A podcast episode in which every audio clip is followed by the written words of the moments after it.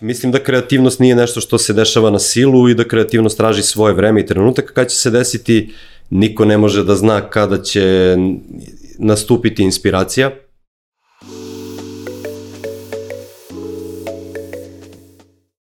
Poštovani slušalci i gledalci, dobrodošli u novu epizodu netokracijnog Office Talks podcasta. Moje ime je Marko Mudrnić.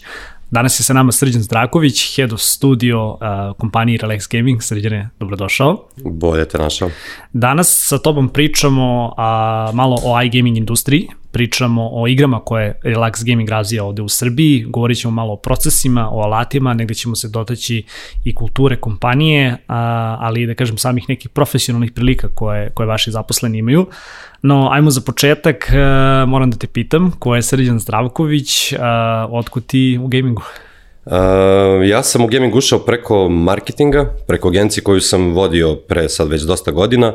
Jedan od klijenata koji je bio jedan veliki telko uh, imao je u okviru svoje ponude pakete za, za gamere i onda smo mi radili različite kampanje na, na tu temu. Na jednom od tih projekata imao sam čast i privilegiju da upoznam legende našeg gaminga, Boška i sada, nažalost, pokojnog Mojsija. Uh, koji su ne, ubrzo nakon tih projekata koje smo radili došli na ideju da pokrenemo festival koji smo nazvali Gamescon i koji smo bukvalno tako krenuli iz nekog entuzijazma sa nula dinara Sećam pre se, dosta se godina toga, sad da. već, da. I ovaj, šta znam, ludom srećom i sa puno rada i energije uspeli smo da od tog festivala zapravo napravimo jedan veliki event koji je na kraju u trećoj godini već izbrojao više od 40.000 poseta u ta tri dana. Uh, Tako da je... Održavao na sajmu, ako se ne moram. Jeste, da, bio je na sajmu, prvo je bio u hali 3, a onda smo od druge i treće godine već krenuli da iznajemljamo halu 1 i halu 3, pošto prosto nije više moglo da da se stane, dosta je to brzo poraslo i u okviru toga nekako su se dešavali različiti projekti, Ja sam vodio još jednu biznis konferenciju koja se ticala baš kao gaming biznisa u okviru toga, ali sam i pored toga kao CMO festivala zapravo vodio komunikaciju u vezi sa svim mogućim gaming nišama, jer je Gamescom kao takav okupio pa bukvalno ceo community, znači od game deva, preko e-sporta, card gaminga, board gaminga, cosplaya i tako dalje, gomile nekih fan domova. I onda meni to bilo užasno zanimljivo jer sam imao prilike da stvarno razmišljamo o različitim ciljnim grupama, o tome na koji način oni razmišljaju, kako gledaju na, na sam proizvod koji koriste, kako ga uopšte koriste, kako dolaze do njega, kako komuniciraju sa proizvođačima, kako proizvođači komuniciraju sa njim, generalno jedna stvarno super avantura i ogromno iskustvo. Uh, pored tog iskustva, na takvom jednom događaju neminovno je da se otvori gomila kontakata i onda je nekako moj dalji put kroz gaming ono, nastavio tim, tim putem. Da, hvala ti. I sad zanima me, ovaj, šta nam može da reći o kompaniji Relax Gaming, eh, kada je kompanija nastala i možda malo da nas eh, sad već na početku epizode uputiš u to šta zapravo znači iGaming i kakve su zapravo ovaj, proizvodi, to kakve su igre koje, koje vaš, ovaj, vaša kompanija razvija?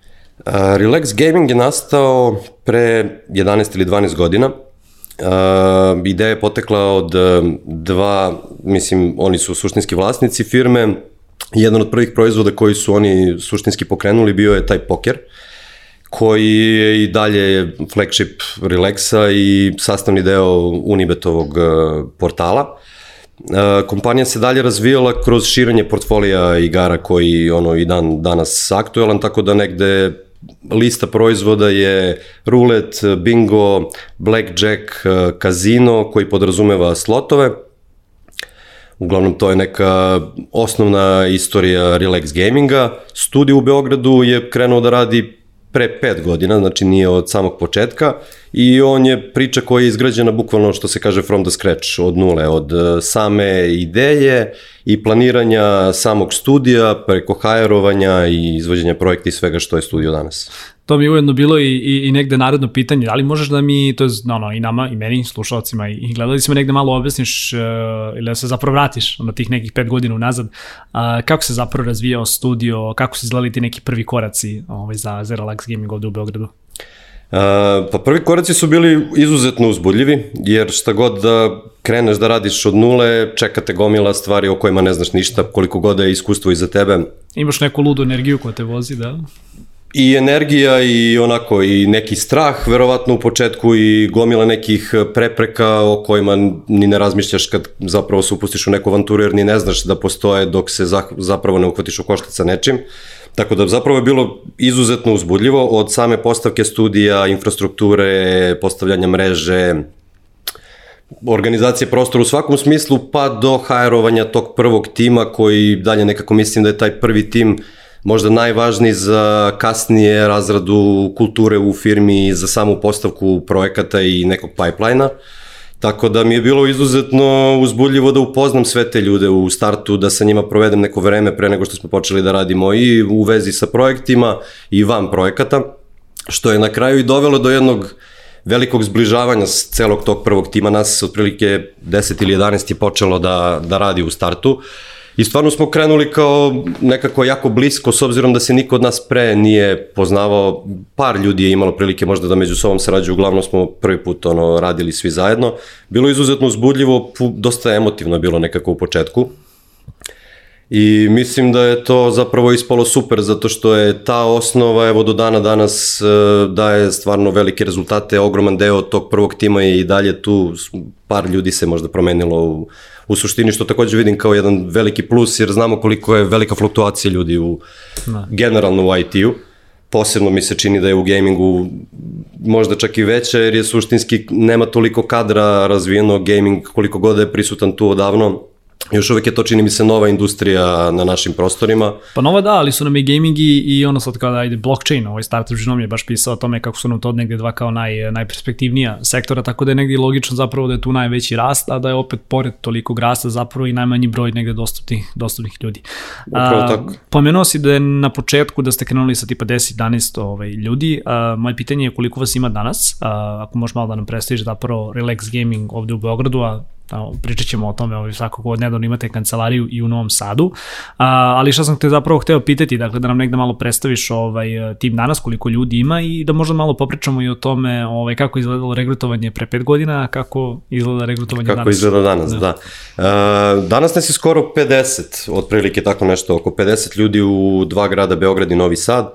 U Novom Sadu zapravo imamo zaposlene od skoro prvog dana, tako da recimo 5-6 ljudi je već u Novom Sadu i to je bio razlog da se konačno odlučimo da ove godine otvorimo kancelariju, pored nekog plana za širenje o kom ćemo pričati kasnije. A ovaj, da, mislim, bilo je uzbuljivo svakako doći od 10 ljudi do 50 za relativno kratak period od 4 ili 4 i po godine. A, posebno što je neka u startu politika bila da hoćemo da nađemo baš te ljude koji se baš uklapaju u neku našu uh, energiju u neku našu ideju o tome kako treba raditi i razvijeti neki proizvod koji je toliko kreativan kao što je bilo šta što se radi u gamingu. I moram da priznam da nije uopšte bilo lako.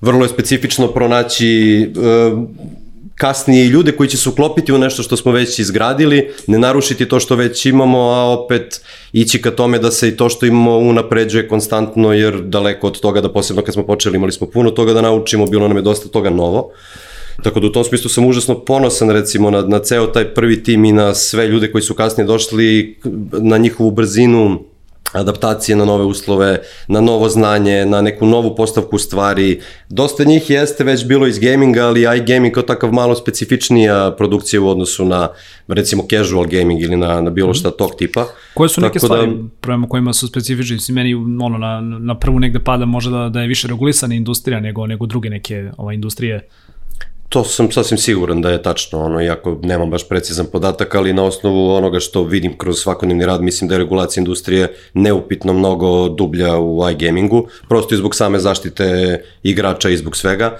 Ono što je samo produkcijski verovatno najveća razlika jeste taj gameplay koji je u suštini dosta na prvi pogled statičan, i sam negde game design se dosta svodi više na matematički model koji je u pozadini cele igre, dok je, ne znam, u casual gamingu ili u bilo kom drugom gamingu dosta sve više u frontu i igrač ima mnogo više kontrole i nad eh, karakterom i tako dalje.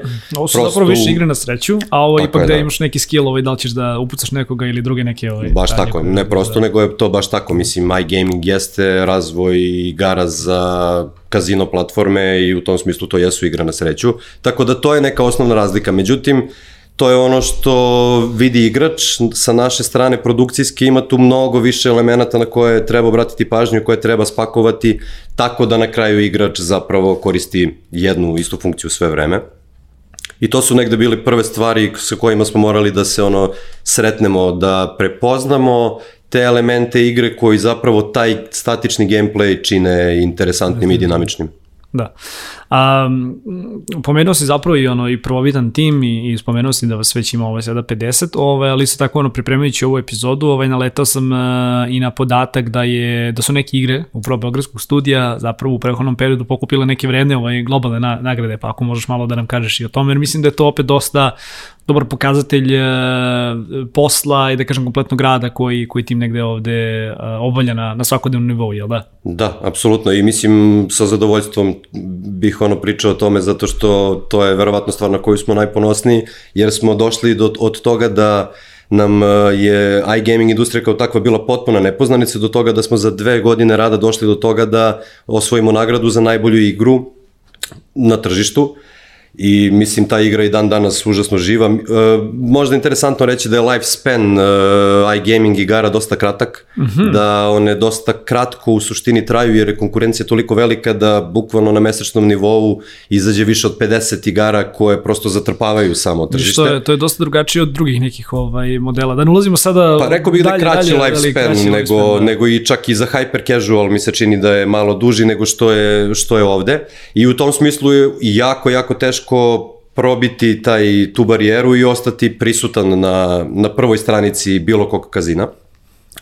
Uh, igra Money Train koju smo objavili sad već eto pred skoro tri godine je osvojila nagradu za najbolju igru na, na tržištu u tom trenutku i do dan danas je ostala aktivna.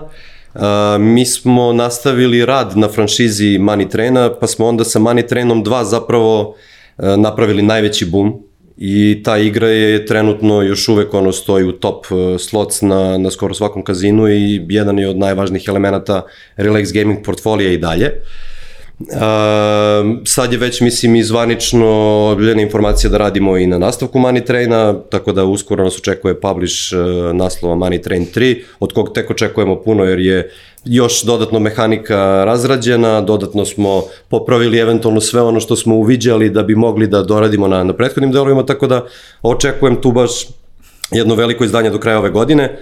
Pored toga smo imali još dosta nekih uspešnih igara koje su se probili daleko toga da je bio samo Money Train, naravno da je bilo i igara koje prosto nisu dale neki veliki rezultat i to je negde u gamingu očekivano. Mislim da svako ko se bavi gamingom zna da je praviti neku sad predikciju o tome kako će proizvod proći na tržištu dosta nezahvalno i nerealno.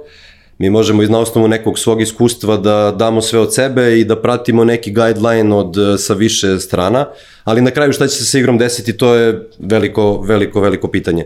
Tako da u tom smislu bilo je svega i svačega, ja sam prezadovoljan količinom igara koje su zapravo uh, ostvarile pozitivan rezultat, i mislim da je to verovatno najveći rezultat kao tim koji smo uspeli da ono napravimo i neki dokaz našeg ono iskrenog rada u prethodnom periodu na, na igrama.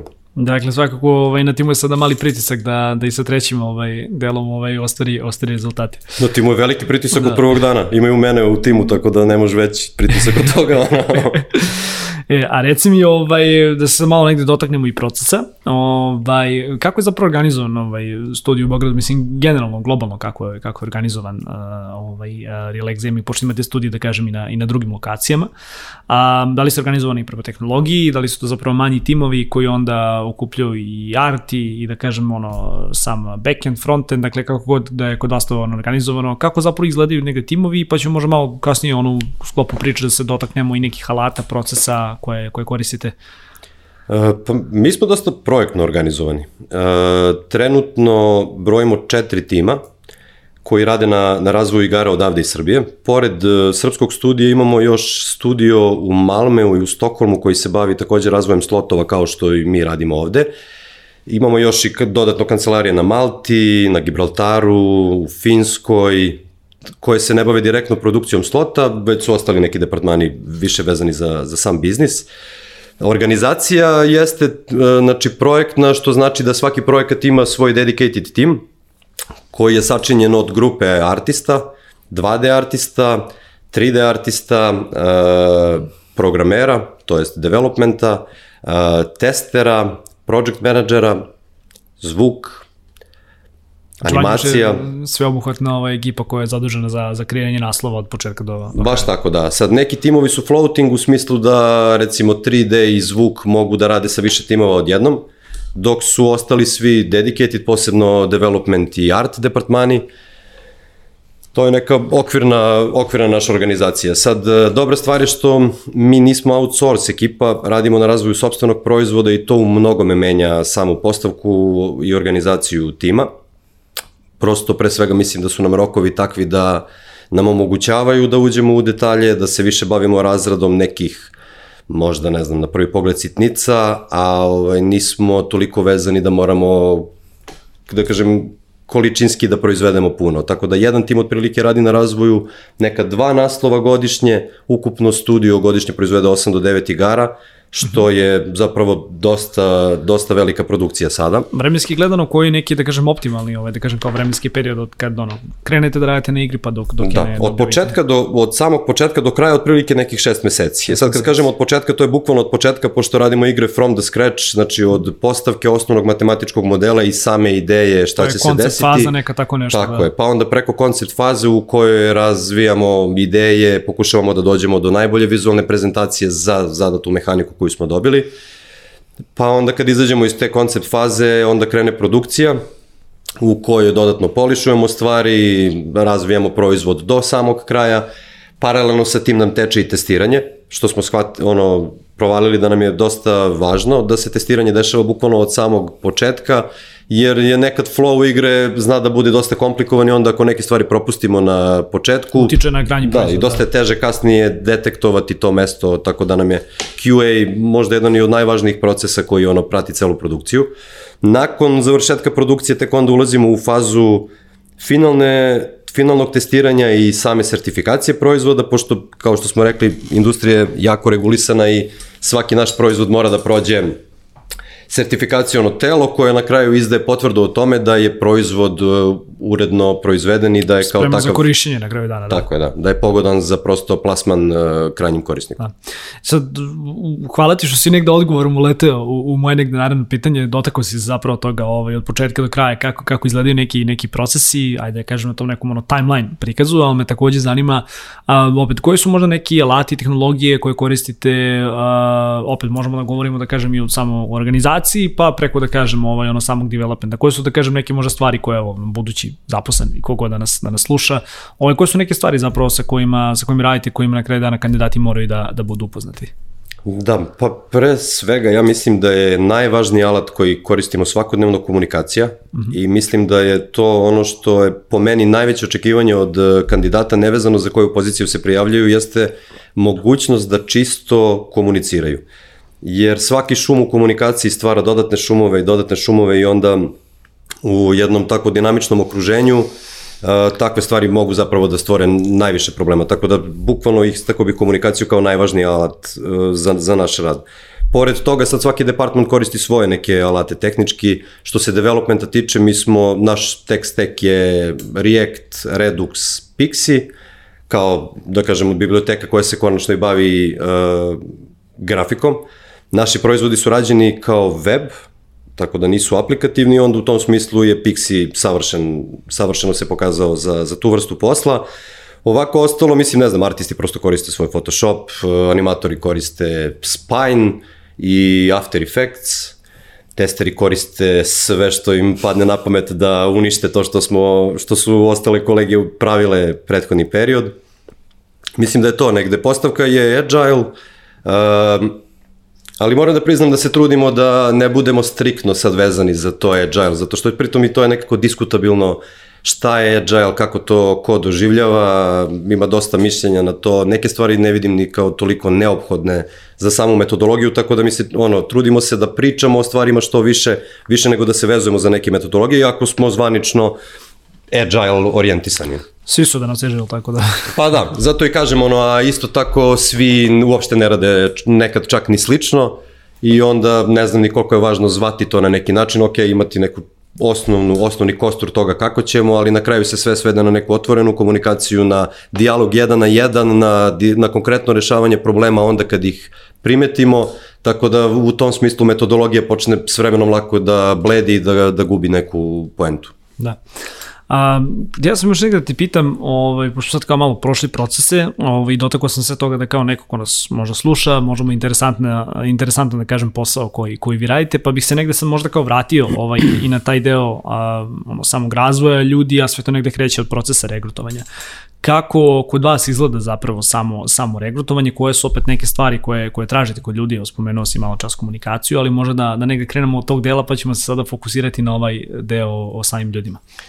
Rekrutacija krene tako što suštinski su ja i koleginica Nevena srčujemo LinkedIn. A, neki osnovni screening e, napravimo sami i onda kontaktiramo ljude za, za koje mislimo. Pored toga stavimo mi oglase, međutim mislim da je vreme oglasa polako prolazi, hteli mi to da priznamo sebi ili ne. A, E, i sve više oglasa na, na tržištu i sad ti tu biti pametan kako napisati oglas koji će da se ono istakne, a i malo, to ne znam, da nekad mi je... teško, da. Pa jeste da i onda malo nekako i ljudi preteraju, čini mi se sa tim koliko žele da budu drugačiji pišući te oglase, pa se onda malo izgubi poenta toga šta je bila uopšte ideja tog oglasa i čime te oglas treba da se bavi. Tako da u tom smislu nismo nešto mnogo inovativni. Uh, A, čini mi se da je ono što radimo jako dobro jeste zapravo ta neka osnovna procena na prvom intervju koji se desi nakon što obavimo prepisku sa, sa potencijalnim kandidatima. Smatram da je ono što je najvažnije tu direktnost i naša i direktnost koju očekujemo od kandidata zato što iskomuniciramo na prvom sastanku sve što bi ikad moglo da zanima kandidata.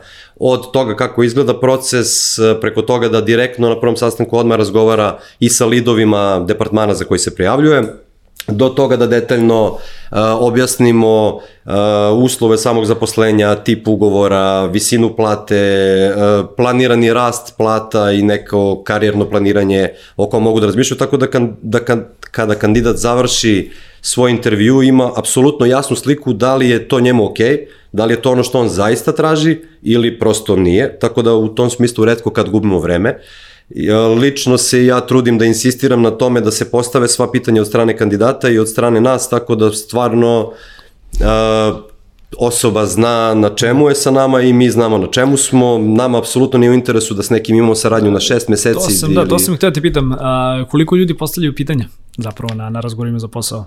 Postavljaju pitanja, postavljaju pitanja, da, postavljaju razna pitanja sad, mislim, više možda stvar kvaliteta tih pitanja koje dobijemo nego količine, pitanja uvek ima, a, ne znam, kandidati recimo koji nisu kroz razgovor uopšte razumeli šta je opis posla, krenu da nas pitaju o parking mestu, spa voucherima i tako dalje, ja prekinem taj razgovor odmah, ono, i mislim, ok mi je da to kažem i javno, da prosto ljudi ne gube vreme sa nama uopšte, ni naše, ni, ni svoje. Mislim da ukoliko uh, se uspostavi jasna komunikacija na, na intervju, gde prosto osetimo i mi, oseti kandidat da se osjeća slobodno da kaže ili da postave bilo šta i ukoliko postoji tehničko znanje, znači neki minimum requirement koji je potreban za, za tu poziciju, sve ostalo se da mnogo lakše dogovoriti ali prosto kandidati sami o sebi nekako govore svojim pitanjima i načinu ponašanja, isto kao i mi verovatno prema njima. Tako da u principu se trudimo da to bude što iskrenije, što direktnije, bez mnogo uvijanja, bez mnogo, bez previše formalnosti. Neke formalnosti mora da postoje, ali bez previše toga jer nam ni posao nije toliko formalan, industrija je vrlo kreativna, način na koji radimo i način na koji komuniciramo u toku dana zahteva da prosto budemo neformalni ako hoćemo da stvarno to nešto bude kreativno, a ne da bude kalup. A u prethodnom periodu smo zapravo i pokazali da su naši proizvodi upravo toliko kreativni da su prepoznati na svetskom tržištu kao nešto drugačije i nešto kvalitetnije od ostalih pričat ćemo baš malo i o kreativnosti, imam jedno pitanje koje, koje je negde namenjeno ovaj, za, za taj deo, ali ono što moram odmah da te pitam jeste da li, da li trenutno zapošljavate, koje su neke otvorene pozicije koje imate, ovaj, baš nedavno smo pričali, e, to je ono, nedavno smo da kažem bili u kontaktu vezano za otvaranje kancelarije u Novom Sadu, pa si tada spomenuo da imate neke pozicije koje su zapravo konstantno otvorene, dakle da ih nikada ne zatvarate. Šta nam možeš malo reći o tim pozicijama, o drugim nekim pozicijama? Tako je, da. Uh, postoje neke pozicije koje, koje nikada ne zatvaramo, mislim razloga je više, a moj lični razlog jeste upravo taj što uh, mi tražimo člana tima koji će zaista da fituje i član tima koji će zaista da fituje se ne nalazi tako što mi kažemo e sad nam treba developere, odemo negde i nađemo tog developera, dovedemo ga u firmu. Prosto takvi ljudi se čekaju, i ostavljamo prostora uvek da za pravu osobu, čak i da nemamo potrebu u tom trenutku, zaposlit ćemo tu osobu i naći ćemo način kako da, da sarađujemo, jer mnogo nam je važnija ta energija i ta razmena komunikacijska koju imamo u toku, u toku dana. To takođe ne znači da su kandidati koji, ne znam, ne prođu tu vrstu razgovora manje dobri ili manje loši. Tu se samo radi o tome da smo drugačiji i da je potreba sasvim drugačija. Mm -hmm. Tako da dešavalo nam se da prosto se ne dogovorimo sa kandidatom koji je izuzetan stvarno, jer jednostavno prosto drugačije gledamo na projekte, drugačije gledamo na možda i na život e, u krajnjem slučaju. Stvarno mislim da to nije uopšte nevažna, nevažna stavka. Uh, Uh, studiju u Novom Sadu, pored toga što već imamo kolege, kao što sam rekao, se otvorio i sa idejom širenja u Novom Sadu. Trenutno radimo na, otva, na sastavljanju prvog tima od dva koja će biti stacionirana u Novom Sadu. Uh, I u tom smislu otvorene pozicije su nam pozicija za programera, pozicija za 2D artistu, pozicija za project menadžera koji bi trebalo da bude lociran baš u Novom Sadu, dok za ove ostale pozicije nam nije presudno gde će ko sedeti, dok bih za project menadžera voleo da ipak bude tamo, tamo će biti i timovi, bit će verovatno lakše da komunicira. u Beogradu kažem, neke pozicije su stalno otvorene, sve to može da se vidi na našem sajtu relax.gaming.com, pa u oceku careers stoji tačno spisak pozicija i po gradovima i lokacijama uh, tako da ljudi mogu da pogledaju i da dobiju više informacije u tom smislu. Da, hvala ti. A, Volio bih da se dotaknemo negde, malo si da kažem govorio o tome, ali opet smatram da je negde jako bitna stvar kada, kada radimo već, e, već ovakve epizode, kada se negde upoznajemo zapravo sa, sa kompanijama i sa studijima.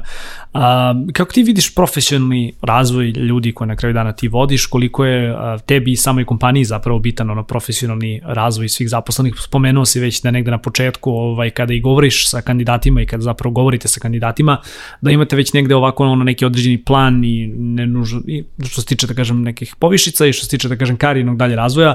A, kako ti generalno gledaš na, na, na, na tu stvar, koliko je tebi bitna, koliko je samoj firmi, firmi bitna?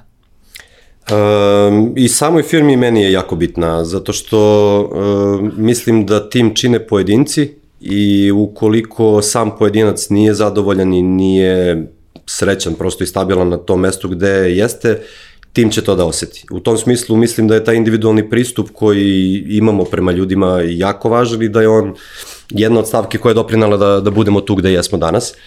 Uh, ja lično imam jako prisan odnos sa svakim pojedincem iz studija, nevezano uopšte za, za departman u kom se nalazi i u tom smislu pričam na svakodnevnom nivou sa njima jer to su sve one situacije kad nismo na sastanku, nismo na projektu, na kafi smo ili negde, uspem da sa svakim iskomuniciram, da znam šta su njihove očekivanja i da oni znaju šta će biti mogućnosti. U tom smislu mi je to baš, baš jako važno. Uh, A, mislim da je taj neki work-life balance postao primarna stvar u, u zadnje vreme, posebno sa ovom naglom ekspanzijom IT-a i sa svim stvarima koje smo spomenuli u vezi sa tim. Uh, tako da negde se stvarno trudim da kroz te intervjue ukažemo kandidatu na sve što ga čeka, šta može da očekuje, šta može da dobije, šta ne može da dobije, šta se neće desiti. Uh, I u tom smislu je jako važan i mislim da je to ono što kandidati najviše i cene. Na kraju svakog razgovora uvek smo dobili hvala vam za iskrenost, hvala vam što ste mi ovo rekli, hvala vam što ste prekinuli razgovor posle 5 minuta jer smo shvatili da nema poente dalje. Hvala vam što ste da... mi javili da nisam prošao dalje. Ne? Tako, da, to, hvala to su neke jako bitne stvari ono, koje generalno ljudi veoma cene, a kompanije često. Apsolutno jeste, da. da. I mislim da, ne znam, volio bih da apelujem i na kolege jer se stvara neka malo čudna slika u vezi sa tim da svaki put kad smo poslali uh, kandidatu odgovor nisi prošao hvala na, na prijavi, a gledamo da to uradimo što, što pre možemo, što pre dobijemo neki odgovor. Često dobijemo povratnu informaciju hvala vam, vi ste redki koji su ovo uradili. Uh, ne bih tim uopšte da, da veličam sebe, nismo def sigurno jedini koji to radimo, ali mislim da je to neka osnovna stvar koju treba ispoštovati tog kandidata koji je, iako smo i mi potrošili naše vreme, to je naš posao i to je deo našeg radnog vremena, i taj neko je odvojio svojih sat vremena osoba, je, da. za razgovor, potrošio vreme da dođe, da nađe parking, da sedne. Uh, za svakog kandidata koliko god on bio opušten razgovor za posao jeste neka vrsta stresa i sve to treba uzeti u obzir i u tom smislu mislim da je najmanje što možemo da uradimo da odgovorimo kandidatu. Ono. Neretko šaljemo i feedback uh, svakom kandidatu koji je tražio od nas ok, nisam prošao, zanima me zašto, dobije feedback, nekad nam možda malo treba više vremena da prosto od svojih obaveza nađemo vremena da napišemo, ali smo postali svaki put. Da li je za art, da li je za dev, da li je za animaciju, niko nije uskrećen, ostao za tako neke stvari. E, dobra stvar kod svega toga je što nam to ostavlja prostora da sa tim kandidatom ostanemo u kontaktu iako se sad nismo dogovorili. Ne znači da se nećemo dogovoriti za godinu dana ili za dve, to što je neko radio test pa nije prošao, u startu znači da smo se negde poklopili na neki način i to ne treba izgubiti, treba održavati te odnose, to vidim kao dobar način za prosto nezatvaranje vrata nikome. A, zanima me odmah negde da, da, da nastavno na, na ovo pitanje i, kako zapravo gledaš na, na kreativnost u ovoj industriji? Mislim, opet bavite se veoma kreativnim poslom, nije, spomenuo si zapravo nije, dakle u pitanju samo neki on outsource projekat koji imate gde imaš negde možda ovaj ono jasno postavljene neke taskove ispred sebe, već moraš zapravo dosta da radiš na kreativi, na postavljanju nekih stvari od nule, što je opet da kažem interesantna stvar, jer niste outsource, već radite sobstveni proizvod. A, kako ti gledaš na, na prosto kreativan rad u, u ovoj industriji, kako zaposleni gledaju na, na kreativan rad, kako negde uspevaju ili kako uspevate da, da uklopite kreativnost uh, u taj neki ono kao okvir od 9 do 5, ako mogu tako da, da kažem. Razumem. Pa nama nije okvir od 9 do 5, nama je okvir Aha. klizni od 8 do 10, tako da, ali smo mislim i fleksibilni da u toku dana ne zavisimo toliko od uh, striknog tog radnog vremena, barem možda, možda su project menadžeri vezani za to i ja, pošto su nam ostale kancelarije, ima neko radno vreme i naša komunikacija je vezana za njih. Uh, mislim da kreativnost nije nešto što se dešava na silu i da kreativnost traži svoje vreme i trenutak kada će se desiti, niko ne može da zna kada će nastupiti inspiracija. Ono što mi možemo da radimo i da utičemo jeste opet ta komunikacija na koju se vraćam po stoti put i podsticanje što više razgovora o samim proizvodima, što više brainstorminga, što više diskusija, što više probamo pa vidimo da li to radi, a manje pretpostavki filozofiranja na, na razne teme i mislim da nas to dosta, dosta, dosta stimuliše. E, takođe, procesi su nam dosta definisani, sad su već, mislim, prepeglani 100.000 puta od kad smo počeli da radimo do danas i onda sam proces nekako olakšava i taj kreativni put, zato što nas vodi stepenik po stepenik i onda ne moramo stalno da rešavamo neke velike celine, nego možemo da se fokusiramo na neke manje. Upadnu ljudi već negde na workflow, pa, im je, pa su im na umu neke stvari i onda je lakše da se radi. Da. Baš tako je. Sad ono što su izazovi recimo i tog procesa je upravo to neka, da kažemo, mentalna kolotečina koja se stvara i ono siguran put koji smo jednom prošli i dao je rezultate. Treba nekada izaći izvan kutije. Baš da. tako da. I onda se trudimo da, da izađemo, baš uh, nasilno to radimo nekako, ono, sednemo i dogovorimo se, ljudi namerno ne nećemo sad da uradimo ovo, ok, znamo, to nam je sigurica, ako se ne snađemo ovde uvek možemo da se vratimo, ajde da damo rešenja koje nemaju apsolutno nikakve veze, pa ako se na kraju i PO koji je negde nosilac ono, celog projekta ne dopadne, naći ćemo način da se prilagodimo, ali da, trudimo se da probamo da nađemo neke nove načine da jednu istu stvar prezentujemo drugačije. Što znam, ja lično mislim, uživam i znam da ljudi uživaju u tom kreativnom procesu, nije nije toliko opterećen, na neki način ima prostora stvarno da... Ima mogućnost da daju negde svoj ono lični ovaj, tač. Apsolutno ima, da, stvari, i da. baš se dosta neguje to da ljudi izlaze sa svojim predlozima, da nemaju strah da daju predloge, nije nikakva, nikakva garancija nije to što daš predlog da će se predlogi usvojiti, ali baš zato ali treba da doći... Da, da Znači, prosto treba reći to što misliš, jer mi ne znamo u trenutku govora da li će to nešto proći ili neće. I onda ako postoji ta blokada kod samih zaposlenih da prosto neće da se otvore i da, da govore tako da ono. Dosta smo to uspeli da rešimo, ja mislim, opet tom direktnom komunikacijom, bez mnogo uvijanja, bez mnogo magle, nego prosto direktno, ono, i to ljudi vide, ne znam, na, na razgovoru, prosto i ja sam nekako direktan sam čovek, takav sam kakav sam, predstavim se odmah tako i dam šansu nekome da bira da li hoće da sarađuje sa mnom i sa ostatkom tima koji prosto je da. isto nekako sličan tome. Pa mislim, generalno transparentnost i otvorenost se negde potpisuju ovaj pod, pod kulturu kompanije. Baš tako, Kada da. i govorimo o tome, opet kažem, vraćam se negde na, na prehodni tekst koji smo nedavno pisali u, u vezi same kancelarije u Novom Sadu. A, I i izvuku bih odato da kažem jedan citat ili jedan deo koji si ispomenuo, to je da kada generalno i govorimo o regrutovanju, to je kada govorimo o regrutovanju u Relax Gamingu, a, vama je jako bitno da sami novozaposleni, zapravo ljudi koji se pridružuju timu, negde budu taj culture fit. Pa bih imajući to na umu, volao negde sad da te pitam da nam malo i objasniš i, i govoriš o tome, a, kako izgleda kultura kompanije koje su opet neke vrednosti pored transparentnosti, otvorenosti, dakle tog nekog ono a, odsustva straha da ljudi mogu da predlažu svoje neke ideje i da rade u jednom takvom ovaj, a, timu. Koje su neke vrednosti koje su tebi bitne, koje su kompanije bitne, koje su na kraju dana i pomogle da, da taj startni tim dovedete na, na, na tim koji danas evo broji 50, 50 ljudi? Da, pa mislim, ok, to pored uh, iskrenosti i neke direktnosti, važno nam je da je prosto kandidatu stalo do tog proizvoda koji će razvijati, da ima neki taj unutrašnji drive, da ima neku svoju motivaciju pored neke motivacije koju će svakako dobiti od tima i od uh, menadžmenta, uh, jer u takvoj onda atmosferi se dešavaju, da kažemo, čuda, kad prosto neko iz sebe iznese nešto, tako da to nam je jedna stvar koja nam je jako važna, važno nam je da budemo adaptabilni i da znamo kako da se prilagođavamo i industriji i proizvodu koji se jako brzo menja u današnje vreme. Verovatno se u stvari gaming u svakom vremenu menjao jako brzo. Trenutku, da, da. u svakom trenutku. Tako da jako je važno da možemo da budemo fleksibilni u tom smislu i da ne prihvatamo lako nešto što, da nešto što je juče bilo sigurno danas nema više veze ni sa čim i da moramo neke stvari sve ispočetka.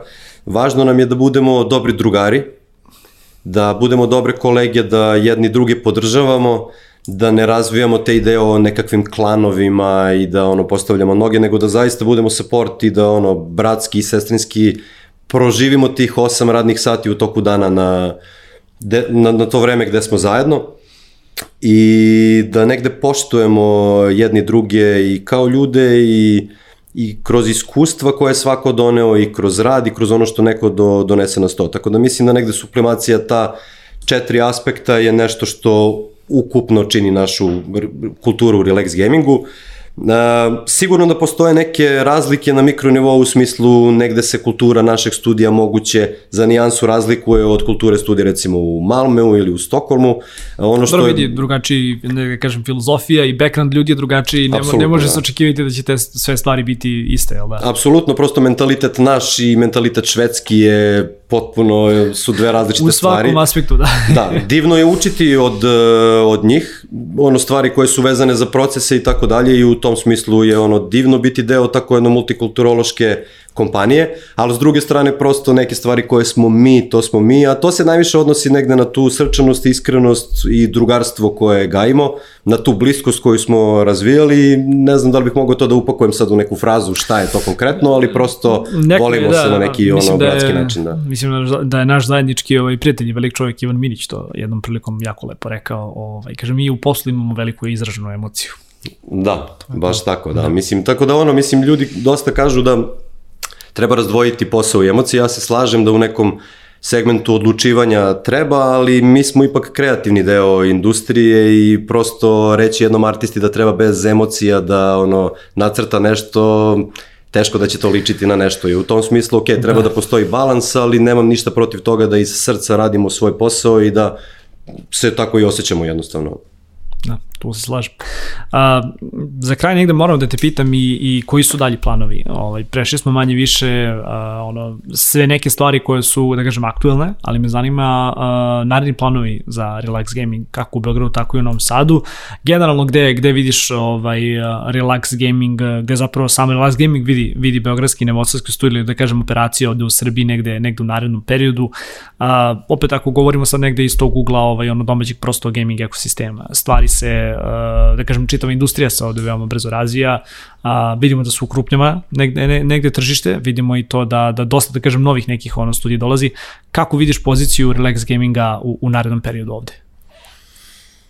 Odlično pitanje. Mislim da pored tog rasta o kom smo pričali, koji ono, mislim, dešava se sam od sebe. Očekujem da će rasti sigurno i Beogradski studio, a za Novosadski smo već rekli da je, da je rast već negde i definisan. Uh, Uh, meni je drago iskreno da, da gaming industrija kreće da, da se razvije i da kreće da cveta, jer mislim pre svega to za sve nas koji vodimo neku kompaniju ovde znači da će biti više ljudi koji će razumeti to, da ćemo s vremenom moći da pričamo o tome, da u startu hajrujemo možda neki ljudi koji već imaju neko iskustvo, što sad nije toliko često slučaj, dosta moramo da radimo na edukaciji ljudi kada dođu.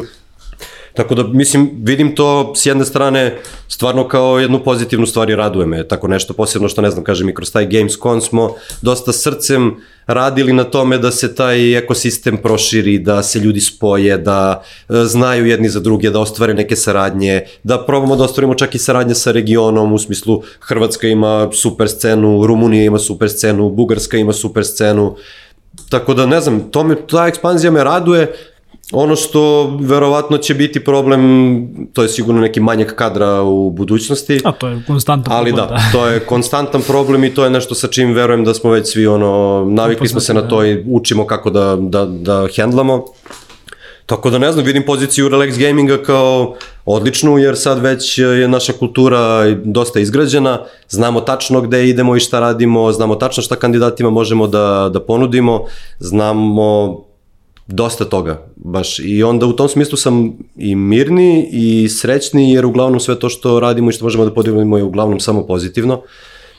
Tako da jedva čekam da vidim sad ovaj naredni period koji će sigurno biti težak, koji je pred nama, kako ćemo da, da. kako ćemo se snaći.